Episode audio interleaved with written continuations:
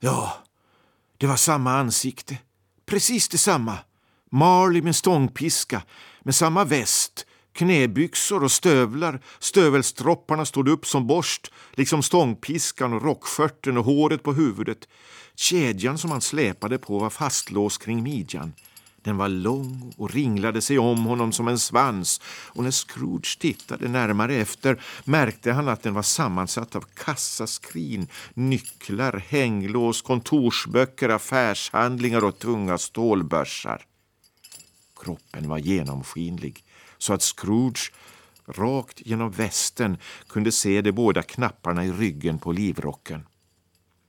Scrooge hade ofta hört sägas att Marley inte hade något hjärta men han hade aldrig satt tro till det förrän nu. Nej, han trodde inte nu heller.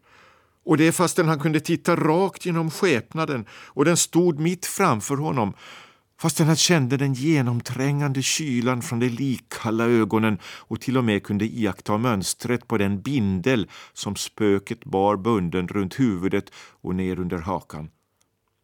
Ja, han var fortfarande skeptisk och kämpade mot sina egna sinnens vittnesbörd. Vad nu då? utbrast Scrooge lika giftigt och kyligt som alltid. Vad vill du mig? Mycket. Det var Marleys röst. Det var inget tvivel om den saken. Vem är du? Fråga mig hellre vem jag var. Vem var du då? sa Scrooge och höjde rösten. Du har då pretensioner för att vara en skugga. I livstiden var jag din kompanjon, Jacob Marley. Kan du... Eh, kan du sätta dig? frågade Scrooge och såg tvivlande på honom. Ja. Gör det då.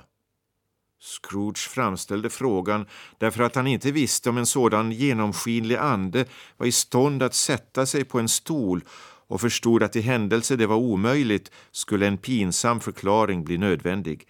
Men spöket satte sig på andra sidan den öppna spisen som om det hade varit den enklaste sak i världen. Du tror inte på mig, anmärkte spöket. Nej, det gör jag inte, sa Scrooge. Vad vill du ha för bevis på min verklighet utöver dina egna sinnens vittnesbörd? Ja, jag vet inte, sa Scrooge. Varför tvivlar du på dina sinnen? Därför att de påverkas av minsta småsak, sa Scrooge. Det behövs bara en lätt matsmältningsrubbning för att man ska föra en på villospår. Du är kanske bara en osmält köttbit, en senapsklick, en ostkant eller en bit halvkokt potatis. Scrooge var inte van att skämta och inte heller kände han sig för ögonblicket på något uppsluppet humör. Sanningen att säga försökte han vara kvick endast för att distrahera sin uppmärksamhet och hålla sin rädsla i schack, ty spökets röst trängde genom märg och ben. Scrooge kände på sig att han inte i längden kunde sitta tyst och stirra på dessa stela glasartade ögon. Det hemska i situationen ökades ytterligare genom att spöket tycktes försett med en högst privat, infernalisk atmosfär. Scrooge kunde inte själv känna den, men det var så tydligt att så var fallet. Ty fastän spöket satt alldeles orörligt befann sig dess hår och skjortkrage och stövelstroppar i en dallrande rörelse som om de hade varit utsatta för en ström het ånga. Ser du den här tandpetaren?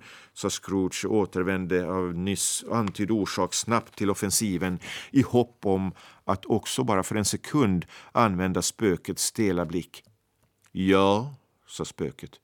Men du tittar ju inte på den, sa Scrooge. Jag ser den ändå, sade spöket. Nå, svarade Scrooge. Jag behöver bara svälja den för att under hela mitt återstående liv bli förföljd av en hel legion spöken som jag själv har skapat. Dumheter, säger jag ännu en gång. Dumheter!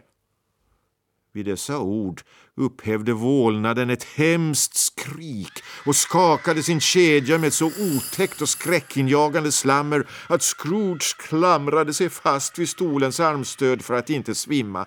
Men döm om hans fasa när spöket tog av sig bindeln kring huvudet som om det hade varit för varmt inomhus och hon såg dess underkäke falla ner på bröstet.